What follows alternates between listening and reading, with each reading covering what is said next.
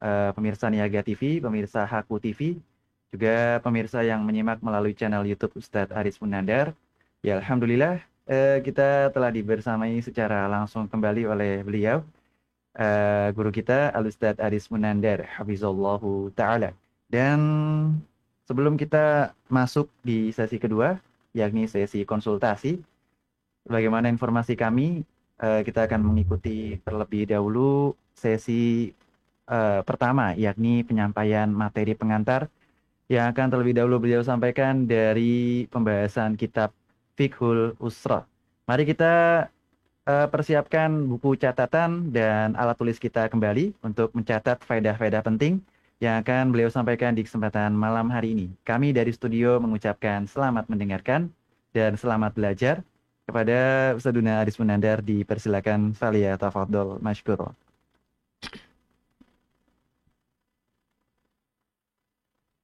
Alhamdulillah wassalatu wassalamu ala rasulillah wa ala alihi wa sahbihi wa man tabi'ahum bi ihsanin ila yaumidin amma ba'd kaum muslimin dan muslimah rahimani wa rahimakumullah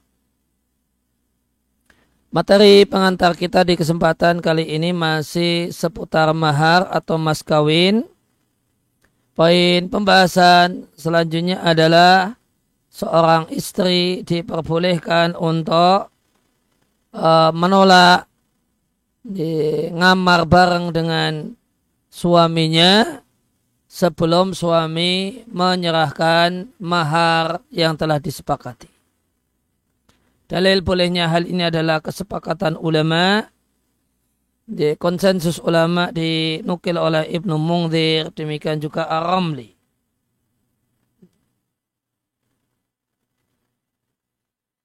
Ya, Ibnu Mungzir rahimahullah ta'ala menyampaikan ajma'u. Mereka para ulama sepakat anna lil mar'ati antamna'a boleh bagi pihak perempuan untuk menolak min dukhuli zawji 'alaiha. Suaminya masuk ke kamarnya. Kamar pengantin perempuan hatta yu'tiyaha mahroha sampai suami itu menyerahkan kepada istrinya maharnya. Ya, alasan yang lainnya berdasarkan pertimbangan logika, mahar itu adalah iwat. Timbal balik dalam dalam akad nikah. Maka dia seperti uang sebagai timbal balik dari barang yang menjadi objek jual beli. Sehingga pihak perempuan itu punya hak untuk menahan dirinya sampai dia mendapatkan semua maharnya. Sebagaimana penjual boleh menahan barang sampai semua uang diserahkan. Kemudian takjilu sodak tentang mahar yang tidak tunai. Diperbolehkan adanya mahar yang penyerahannya dan pembayarannya tertunda, tidak tunai.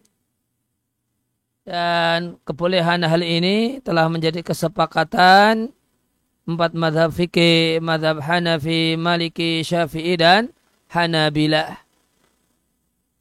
Dalilnya adalah firman Allah Ta'ala, Ya ayyalladina amanu aufu bil uqud.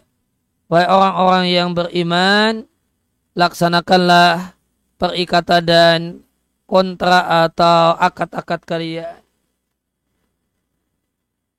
Ya, maka perintah untuk melaksanakan akad ini mencakup lil wafa'i bil aqdi menunaikan akad dan berbagai macam klausul perjanjian yang terjadi dalam akad. Kemudian dalil dalam hadis dari dari hadis dari Uqbah ibn Amir radhiallahu anhu Rasulullah sallallahu alaihi wasallam bersabda ahakku syuruti antufu bihi klausul perjanjian yang paling wajib untuk kalian laksanakan adalah mastahlal tumbihil furuja adalah klausul perjanjian yang digunakan untuk menghalalkan uh, untuk menghalalkan kemaluan yaitu klausul perjanjian dalam akad nikah. Ya, dan di antara klausul perjanjian bisa saja klausulnya adalah mahar itu tidak dibayar tunai atau sebagian tunai, sebagian tertunda. Ya, dalil uh, analognya karena akad nikah itu adalah akad, akar tukar menukar seperti jual beli, maka boleh adanya mahar yang penyerahannya dan pembayarannya tertunda, sebagaimana uang dalam transaksi jual beli boleh dibayarkan secara tertunda. Kan,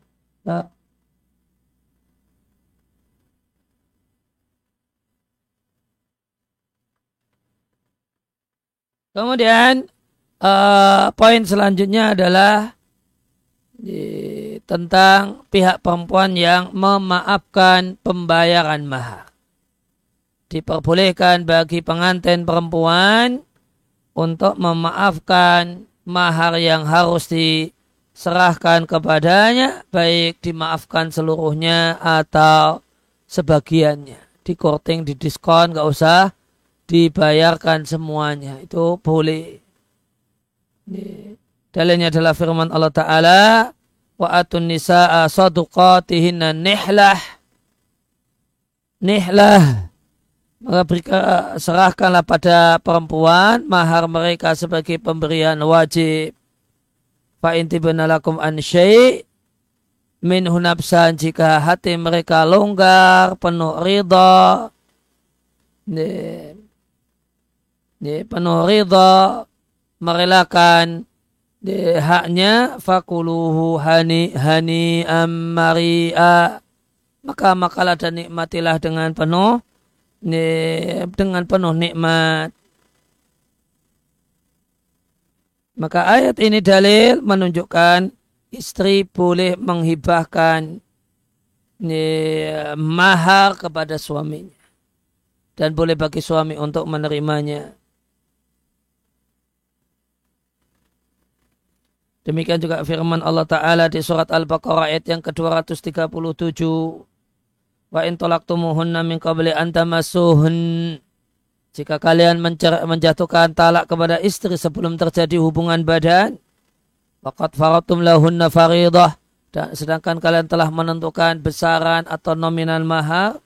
Fanisfu faratum. Maka kalian punya kewajiban untuk membayarkan separuh kecuali jika pihak perempuan itu memaafkan sehingga tidak usah bayar sama sekali au ya'fu alladhi bi'adi uqdatun nikah atau pihak suami memaafkan sehingga membayar utuh. Wa anta'fu aqrabul taqwa dan memaafkan itu lebih dekat kepada takwa wala tansal fadla bainakum dan tidaklah yang menjadi asas pergaulan di antara kalian adalah adalah berbuat baik kepada orang lain. Inna Allah bima ta'maluna basir. Sebenarnya Allah maha melihat semua yang kalian lakukan. Maka ini dalil bahasanya pihak perempuan boleh memaafkan mahar jika dia adalah uh, perempuan yang sah jika memaafkan karena dia adalah wanita yang balik dan berakal.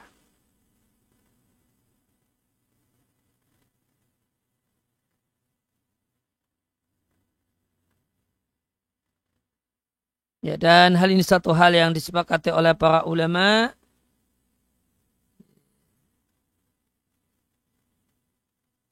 Ya, nukilan ijma disampaikan oleh Ibnu Qudamah, demikian juga Al-Qurtubi. Ibnu Qudamah misalnya mengatakan, jika pihak perempuan, yaitu pengantin perempuan, memaafkan mahar yang menjadi haknya dan itu menjadi kewajiban suaminya, dia maafkan total atau sebagiannya, atau dia hibahkan kepada suaminya setelah dia terima dari suaminya. Wa jaizatul amri fil maliha dan dia boleh melakukan tindakan terhadap hartanya. Jaza jaza dalika maka pemaafan itu hukumnya boleh dan sah. Wala na'lamu fihi khilafan. Dan kami tidak mau adanya perselisihan ulama dalam masalah ini. Kemudian hukum uh, mahar yang yang cacat. Misalnya maharnya itu buku, ternyata buku misalnya tiga jilid, satu jilidnya itu banyak yang rusak, kosong. Misalnya banyak yang rusak, kosong dan yang lain. Maka bagaimanakah hal ini? Jawabannya yuratus sodaku bil aibil kathir. Jika cacatnya itu cacat cacatnya kebanyakan, mahar bisa dikembalikan. Dalil hanya ada kesepakatan para ulama, nukilan ijma atau kesepakatan disampaikan oleh Ibnu Qudamah. Dia katakan, mahar atau mas kawin idakana muayyaban jika cacat artinya setelah diterima dibuka oleh pihak perempuan ternyata cacat falaharadduhu maka pihak perempuan boleh mengembalikannya sebagaimana e, barang yang cacat yang dibeli. Kami tidak mengetahui perselisihan ulama dalam masalah ini. Idza kana al-aibu katsiran jika cacatnya adalah cacat yang keterlaluan, cacat yang kebangetan, cacat yang terlalu banyak. Alasan logika dalam hal ini karena uh, akad nikah itu ada mirip-miripnya dengan jual beli dan dalam dalam akad jual beli jika cacat itu banyak ya, barang bisa dikembalikan dan uh, akad bisa dibatalkan, barang bisa dikembalikan dan uang pun juga dikembalikan utuh.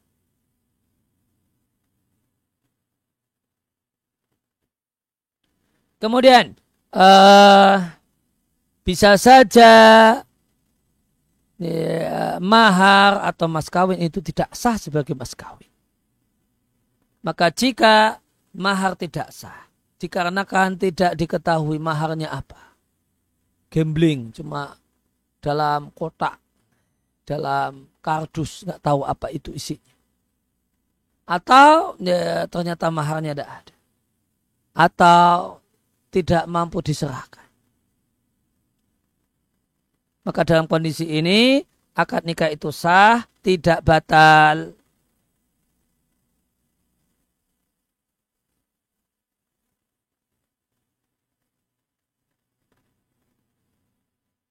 Dasarkan firman Allah Ta'ala La juna alaikum in nisa Tidak ada dosa atas kalian jika kalian mencerai istri dalam keadaan kalian belum menyentuhnya atau dalam belum menentukan besaran mahar untuknya.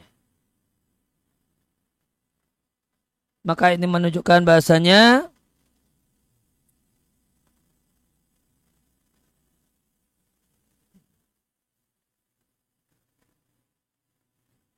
bahasanya akad itu tidaklah e, untuk keabsahan akad tidak memerlukan keberadaan mahar dan ada nukilan ijma yang disampaikan oleh Ibnu Qudamah dalam masalah ini.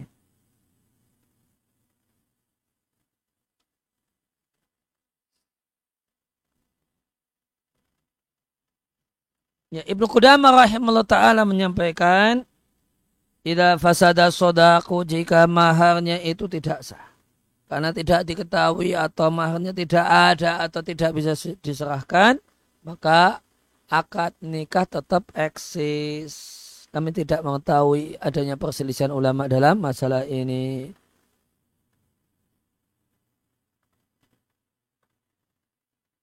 Ya, demikian kurang lebih ya, beberapa poin yang bisa disampaikan di kesempatan kali ini. Wassallallahu ala nabiyina Muhammadin wa ala alihi wa sahbihi wa sallam wa akhiru da'wana anilhamdulillahi rabbil alamin. Nah, Om terima kasih atas materi pengantarnya di sesi pertama ini. Jazakallah khairan. Ya, dan baik para pemirsa, para pendengar, kaum muslimin rahimakumullah. Ya, alhamdulillah kita telah menyimak sesi pertama di malam hari ini di mana telah kita dengarkan materi pengantar dari kitab fikih Usroh yang telah disampaikan oleh Al Ustaz Aris Munandar hafizallahu taala. Ya, lalu berikutnya uh, kami kembali menginformasikan kepada para pendengar dan juga pemirsa di mana pun Anda berada. Bagaimana informasi yang telah kami sampaikan sebelumnya, bahwasanya kita akan uh, masuk dan kita akan mengikuti sesi kedua. Dan di sesi kedua ini kami membuka kesempatan bagi sobat muslim yang ingin bertanya atau ingin berkonsultasi seputar permasalahan keluarga Ya, silakan bisa disampaikan pertanyaan atau konsultasinya melalui layanan chat WhatsApp atau pesan singkat SMS di nomor 0823 2727 5333. Ya, sekali lagi bagi pemirsa, Anda para pendengar dan kaum muslimin semua yang ingin menanyakan pertanyaan seputar permasalahan keluarga, Ya, silakan konsultasinya dapat dilayangkan melalui chat WhatsApp atau pesan singkat SMS di nomor interaktif Radio Muslim Jogja di nomor 0823 2727 5333. Nah, Ustaz, kita bacakan pertanyaan pertama di malam hari ini. Uh, ada pertanyaan, Bismillah, uh, Afwan Ustaz, jika ingin merujuk dengan suami yang sudah taubat, apakah status pernikahannya uh, tetap sah atau talak ya Ustadz? Mohon jawabannya Ustadz. Ya, uh, pertanyaannya masih membingungkan bagi yang menyimak. Ini uh, tobat dari hal apa? Apakah tobat dari kekafiran yang membatalkan iman sehingga eh, kemarin uh, dinilai akad nikahnya bermasalah karena eh, karena pihak karena suaminya dinilai murtad. Kalau ini yang dimaksudkan, ya maka nanti eh, ada beberapa pandangan ulama dalam masalah ini di antaranya kalau dia kembali ke bertobat masuk Islam dari kemurtatannya sebelum masa iddah berakhir ya maka dia tidak perlu akad nikah baru. Tapi kalau sudah setahun misalnya sudah berlalu maka perlu akad nikah akad nikah baru. Ini karena masa idah disebabkan suaminya murtad karena menganut faham kafir ada lagi nabi setelah Muhammad atau uh, Muhammad sallallahu alaihi wasallam atau yang lainnya ya maka Ya, jika masa idahnya belum habis maka bisa kembali namun sudah habis perlu akad nikah baru. Nah. Nah, Ustaz, terima kasih atas jawabannya, Ustaz. Kita bacakan kembali pertanyaan selanjutnya. Assalamualaikum, Ustaz. Waalaikumsalam warahmatullahi. Afwan izin bertanya, Ustadz berdosakah saya atau apakah saya termasuk istri yang tidak bersyukur jika meminta uang bulanan lebih karena suami gajinya sudah naik. Tapi setiap suami ada kenaikan gaji, dia hanya memberikan saya uang bulanan yang sama di setiap tahunnya Ustadz, sebelum gaji suami naik. Meskipun uang bulanan yang diberikan sebenarnya sudah cukup untuk kebutuhan sehari-hari. Mohon penjelasannya Ustadz. Ya, kalau uh, kalau yang diberikan itu belum cukup, istri boleh menuntut. Tapi kalau yang diberikan itu sudah cukup, maka istri bolehnya merayu dan menego. Nih, kalau mau merayu, ya, ya, boleh jadi misalnya diberi service excellent di tempat tidur, setelah itu baru ajukan proposal. Ya, ini harga BBM naik, mas ya. Maka uang belanja juga harus naik misalnya. Jangan terlalu ngepe ngepas. Maka silahkan dilakukan. Namun jika masih cukup uh, tidak boleh menuntut. Tapi ya kalau sekedar nego ngerayu supaya ada pertambahan nominal uang belanja tidak masalah. Nah. Nah, Ustaz, jazakallah khairan Ustaz atas jawabannya. Kita bacakan kembali pertanyaan selanjutnya. Uh, Bismillah, Afwan izin bertanya Ustadz. Ustadz banyak orang yang yang memaknai cinta dengan masing-masing versinya. ya apakah makna cinta di dalam Islam uh, yang sebenarnya Ustaz? Mohon jawabannya. Cinta dalam Islam adalah cinta uh, cinta terhadap sesuatu karena zat sesuatu itu hanya kepada Allah. Adapun cinta kepada yang lainnya itu adalah cinta karena Allah yaitu mencintai orang yang Allah cintai, membenci orang yang Allah benci, mencintai perbuatan yang Allah cintai dan membenci perbuatan yang Allah benci. Maka cinta-cinta yang lainnya selain untuk Allah bukan karena zatnya, bukan karena zatnya, namun karena Allah Subhanahu wa taala dan karena di jalan Allah Subhanahu wa taala. Nah. Nah, Ustaz, terima kasih atas jawabannya Ustaz. Jazakallah khairan. Dan kembali kami mengingatkan kepada kaum muslimin semua, para pendengar dan juga pemirsa di mana pun Anda berada saat ini kita masih berada di program acara kajian malam di uh, acara rutin konsultasi seputar hukum keluarga bersama Alustad Aris Munandar Hafizullahu Ta'ala. Bagi kaum muslimin, Anda yang ingin bertanya pada malam hari ini, kami persilakan. Anda bisa layangkan pertanyaannya melalui layanan chat WhatsApp atau pesan singkat SMS di nomor 0823 2727 5333. Taib, kita kembali bacakan pertanyaan selanjutnya. Uh, ya, Ustadz. Assalamualaikum, Ustadz. Waalaikumsalam warahmatullahi. Uh, izin bertanya, apakah boleh ketika malam Jumat kita bersama-sama membaca surat Al-Kahfi yang uh, jamaahnya ada yang belum lancar membaca Al-Quran? Ya, uh, kalau jamaahnya misalnya jamaah masjidnya variatif, namun yang belum bisa baca Al-Kahfi secara mandiri itu pingin baca dan akan lebih semangat jika dibersamai, maka tidak mengapa ya, baca uh, bareng-bareng dengan catatan hanya sebagai pembelajaran sambil di lain uh, kesempatan di waktu yang lainnya yang belum bisa membaca itu difasilitasi untuk bisa uh, lebih serius untuk membaca uh, mampu membaca secara mandiri. Jadi itu untuk sementara waktu sampai dirasa sudah cukup ada kesempatan untuk belajar maka tidak mengapa. Nah. Nah, Ustaz, terima kasih atas penjelasannya, Ustaz. Uh, pertanyaan selanjutnya, Bismillah Ustadz, apakah untuk poligami memerlukan is memerlukan izin atau ridho dari ibu kandung?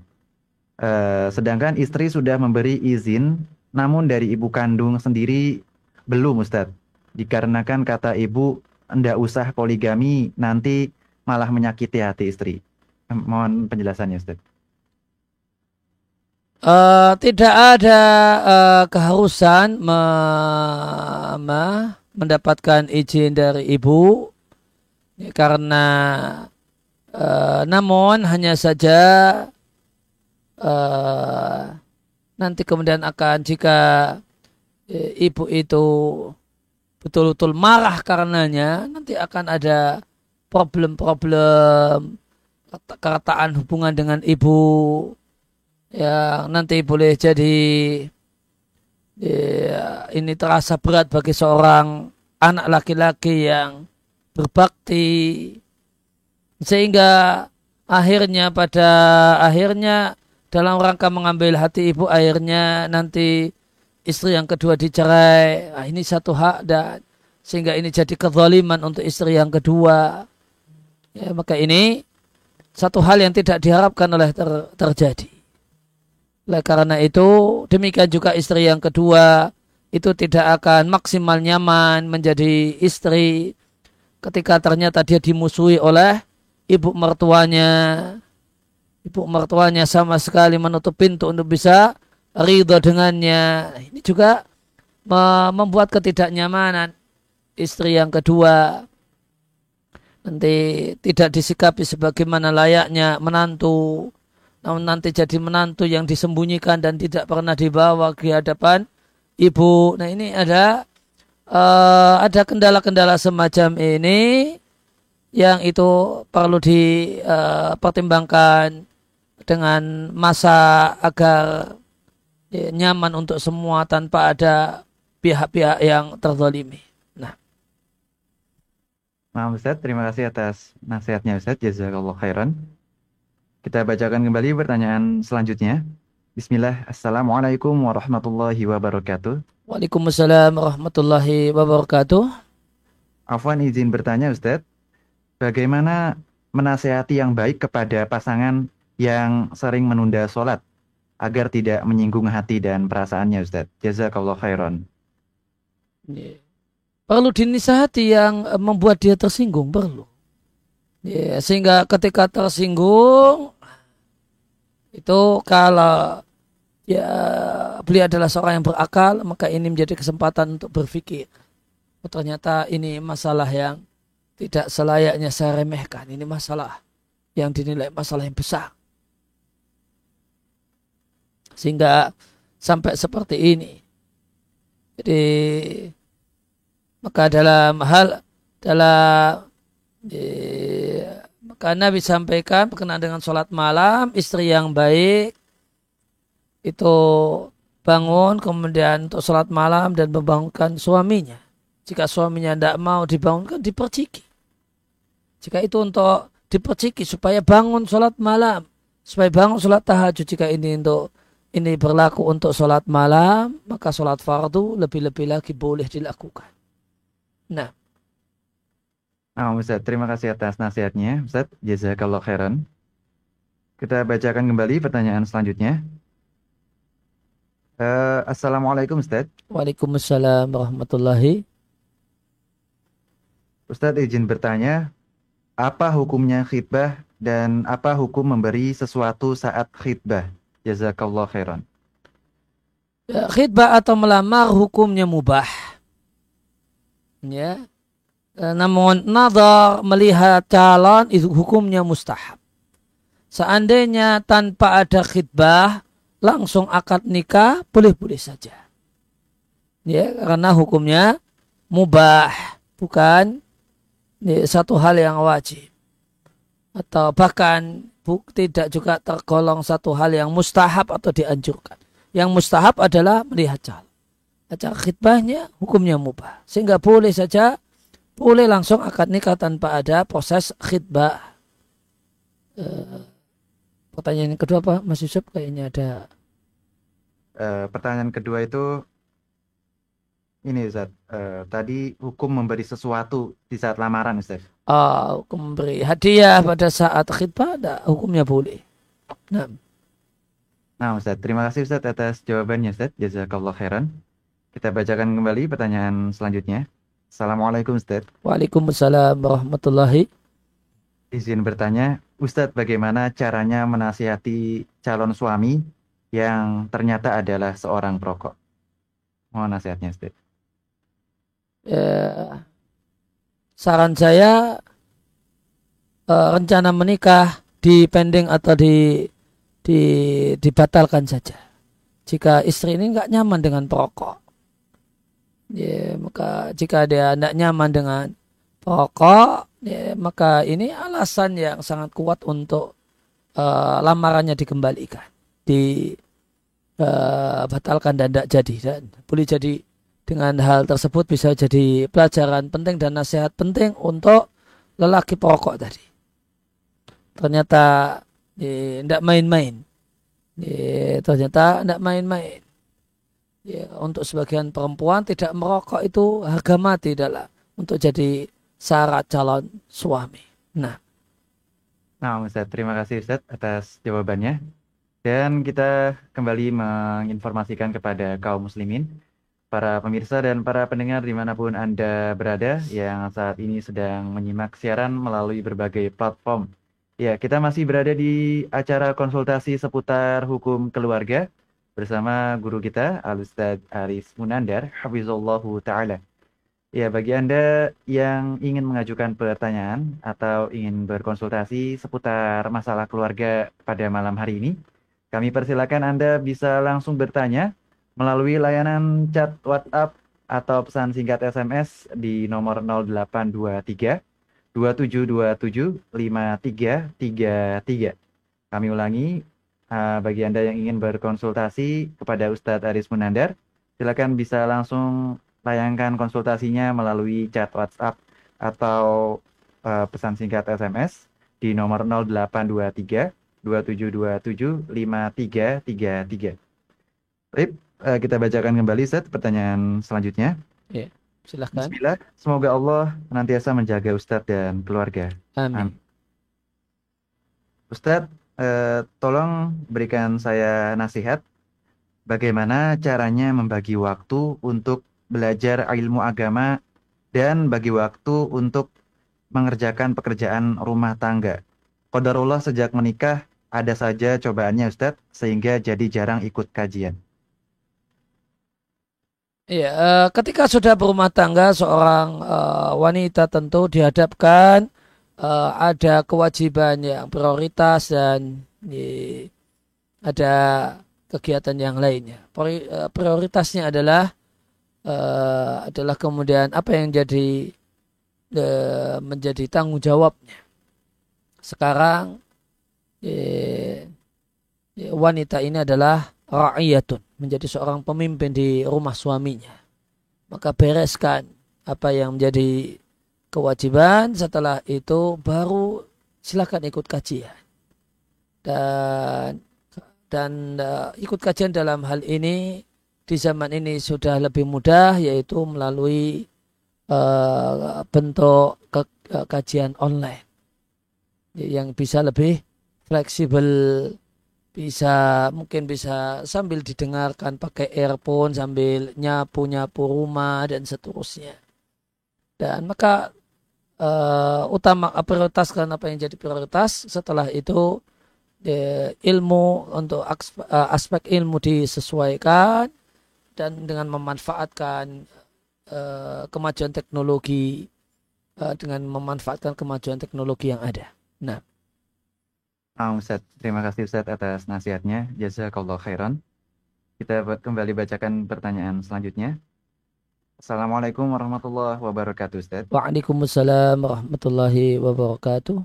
Ustaz, mohon berikan nasihat dan tipsnya untuk seorang suami mengelola keuangan keluarga di zaman saat ini yang di mana harga-harga serba naik Ustaz.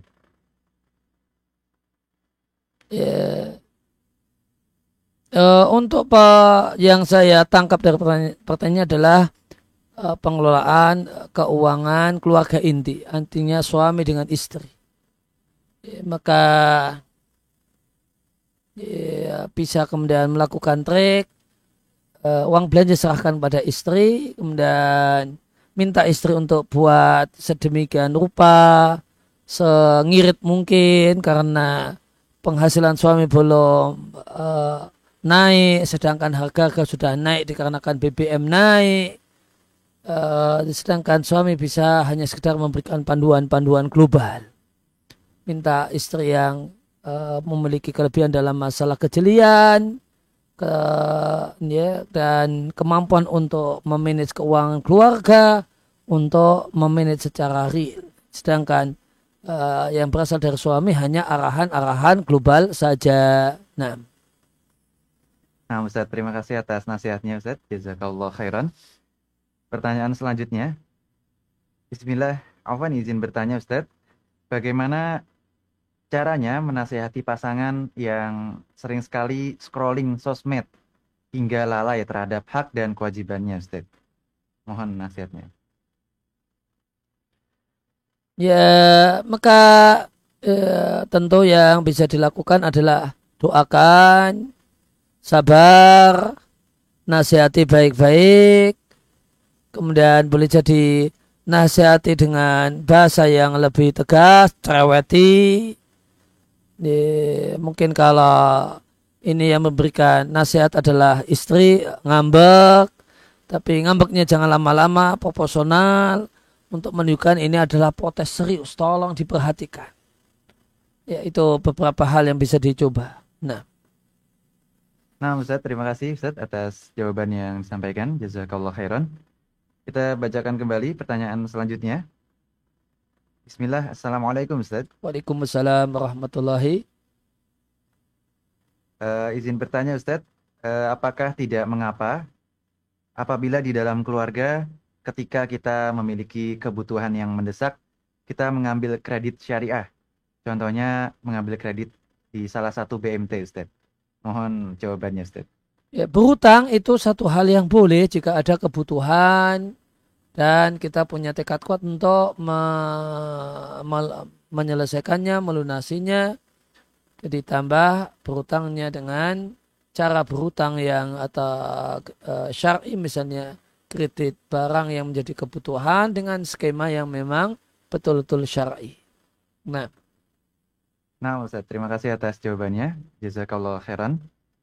Kita bacakan kembali pertanyaan selanjutnya. Assalamualaikum Ustaz. Waalaikumsalam warahmatullahi. Uh, ya Ustaz, izin bertanya. Sebelum hijrah, kami pernah berhutang berhutang khomer dan saat ini saya selalu kepikiran Ustaz hingga saya sudah berkeluarga rasanya ada sekali masalah yang timbul ketika sudah berkeluarga saat ini Ustaz. Mohon nasihatnya apakah saya harus menebus dosa ini dengan cara apa Ustaz? Uh, hutang khomer tidak wajib dibayar, tidak bayar, tidak secara hukum agama tidak ada kewajiban untuk membayarnya. Lain hanya kalau ada imbas hukum dunianya karena orang yang menghutangi menuntut maka ini bab yang lainnya tapi secara syar'an secara syariat tidak ada kewajiban untuk uh, membayar pembelian khamar dan melunasi hutang khamar nah Nah Ustaz, terima kasih atas jawabannya. Jazakallah khairan. Kembali kami menginformasikan kepada Anda, kaum muslimin, para pendengar dan pemirsa di mana pun Anda berada. Bagi Anda yang masih ingin bertanya di malam hari ini, kami persilakan Anda langsung bisa sampaikan pertanyaan ataupun konsultasi seputar masalah keluarga dengan melayangkan pertanyaannya melalui chat WhatsApp atau pesan singkat SMS di nomor 0823 2727 5333. Nah, Ustaz, kita bacakan kembali pertanyaan selanjutnya. Assalamualaikum Ustaz. Waalaikumsalam warahmatullahi. Uh, semoga Ustadz dan tim selalu dalam lindungan Allah Subhanahu wa taala. Amin. Amin. Izin bertanya Ustadz, bagaimana tips berkomunikasi dengan suami untuk menyamakan dan meraih visi dan misi dalam keluarga? di mana suami terkesan cuek dan menjalani hidup dengan mengalir saja, Ustaz. Mohon nasihatnya. Ya, uh, dudukkan suami dan sampaikan bahwasanya istri pun perlu ketegasan dan kejelasan visi dan misi rumah ini. Bahtera ini mau dibawa ke mana? Tolong berikan panduan yang jelas, jangan cuma diem saja. Ya, jangan kemudian hidup yang mengalir dalam artinya tidak ada kejelasan visi dan misi. Ya, uh, ya meskipun sebenarnya hal semacam ini itu bisa semestinya bisa diselesaikan sejak awal perkenalan. Sehingga nanti enak lu dulu visi misi keluarga kita tuh begini kok. Nah ini kok arahnya nggak seperti ini gitu. Tapi kalau ini baru dibicarakan setelah menikah ya boleh-boleh saja dan sampaikan ya, ini penting bagi saya. Tolong jangan cuek saja, jangan uh, jangan diem terus gitu. Ya silahkan uh, mengajukan keberatan dengan uh, sikap semacam itu atau ucapan-ucapan uh, semacam itu. Nah. Oh, Ustaz, terima kasih atas nasihatnya Ustaz. Jazakallah khairan. Kita bacakan kembali pertanyaan selanjutnya. Uh, Assalamualaikum Ustaz. Waalaikumsalam warahmatullahi. Ustaz, apakah calon suami wajib menjadi khotib nikah setelah ijab kabul? Bagaimana jika orang lain atau ustadz yang mengisi? Dan bagaimana hukumnya khutbah nikah secara syariat Ustaz? Ya, ada dua hal yang patut untuk didudukan yaitu uh, khutbah nikah dengan pengajian nikah.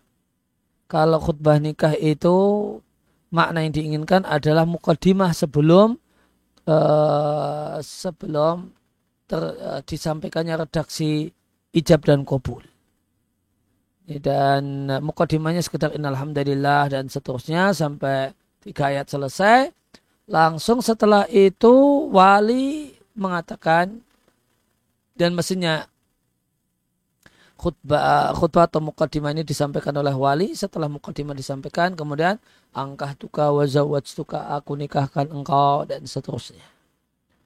Ya, sedangkan pengajian setelah akad nikah hukumnya mubah dan pengajian setelah akad nikah ini kalau pengantin laki-lakinya ustadz ya bisa saja dia yang menyampaikan kalau bukan ya minta ustadz tertentu untuk, untuk menyampaikan juga boleh-boleh saja nah Nah, Ustaz, terima kasih Ustaz atas jawabannya. Jazakallah khairan. Ya, kita kembali bacakan pertanyaan selanjutnya. Ahsanallahu ilaikum Ustaz. Waalaikum. Apakah seorang lelaki juga harus menurunkan kriteria dalam memilih istri? Karena sampai saat ini belum menemukan wanita yang cukup solihah serta mempunyai ilmu syariat, Ustaz. Ya, dalam hidup kita harus uh, bisa mengkompromikan antara realita dan idealita. Kalau memaksakan uh, idealita yang ada dalam pikiran kita, namun itu tidak realistis, nggak ketemu-ketemu, ya akhirnya ya uh, tidak kunjung menikah. Namun uh, padukan antara hal ini, ketika ternyata realitanya itu sulit sebagaimana idealita, maka idealitanya perlu diturunkan. Sehingga bisa klop antara uh, antara realita dan idealita. Dan di antaranya adalah ya turunkan grade standar. Dan boleh jadi uh, di antara sebab kenapa belum didapatkan ya, karena grid kita tinggi dalam keadaan ya kitanya juga tidak punya bergening yang tinggi. Ya, ingin punya tadi istri yang punya ilmu agama yang mapan, namun ini laki-lakinya juga agamanya ilmu agamanya pas-pasan. Ya, sebagian banyak perempuan dia ingin dibimbing oleh suaminya. Maka ketika dia berilmu agama, dia ingin punya suami yang jauh lebih berilmu agama daripada dirinya misalnya. Itu di antara contoh uh, contoh apa pembanding yang patut untuk uh, direnungkan. Nah, nah Ustaz, terima kasih Ustaz atas nasihatnya. Uh, pertanyaan selanjutnya, Bismillah. Ustadz sebagai seorang anak, bagaimana seharusnya seorang anak menyikapi orang tua yang tidak adil kepada anaknya? Mohon nasihatnya Ustadz. Jika tidak adil dalam masalah pemberian, ya, maka ya, anak bisa mengingatkan orang tuanya, bisa mengingatkan secara langsung jika memungkinkan, jika tidak memungkinkan bisa memakai orang-orang yang dihormati oleh orang tua semacam kakaknya orang tua atau guru ngajinya orang tua atau yang lain. Nah. Nah, Ustaz, terima kasih Ustaz atas uh, jawabannya. Jazakallah khairan. Ya, kita kembali bacakan pertanyaan selanjutnya. Bismillah, ahsanallahu ilaikum Ustaz. Wa ilaikum. Ustaz, apakah karakter seseorang sangat berpengaruh besar setelah nikah? Bagaimana jika calon adalah seorang yang pendiam dan cenderung pasif? Namun, ia agamanya baik dan sudah banyak pengalaman belajar agama. Mohon jawaban dan nasihatnya Ustaz.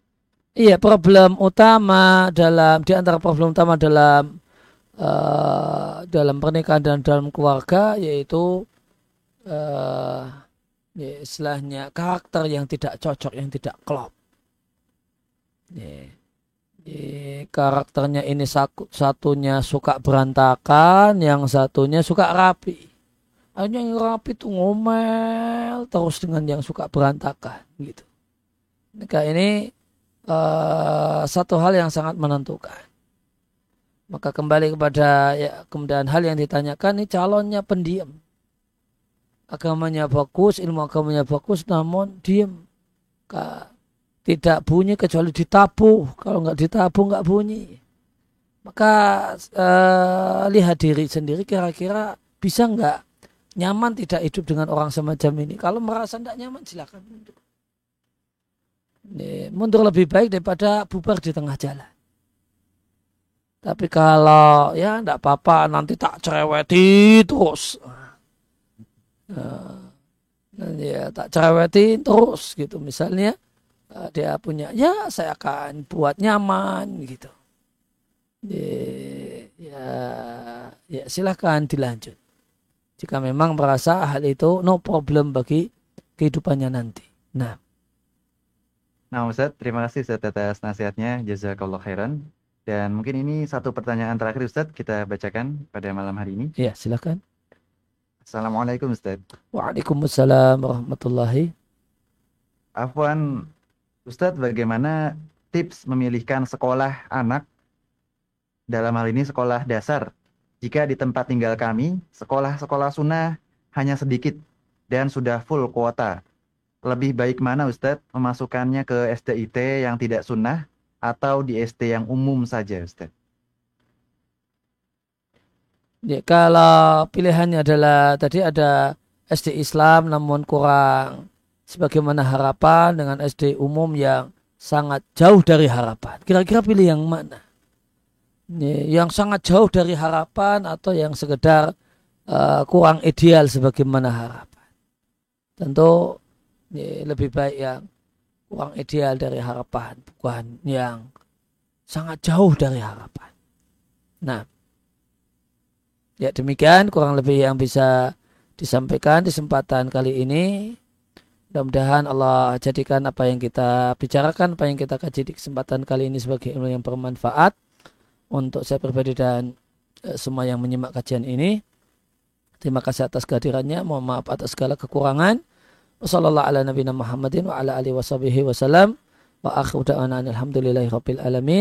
Wassalamualaikum warahmatullahi wabarakatuh. Waalaikumsalam.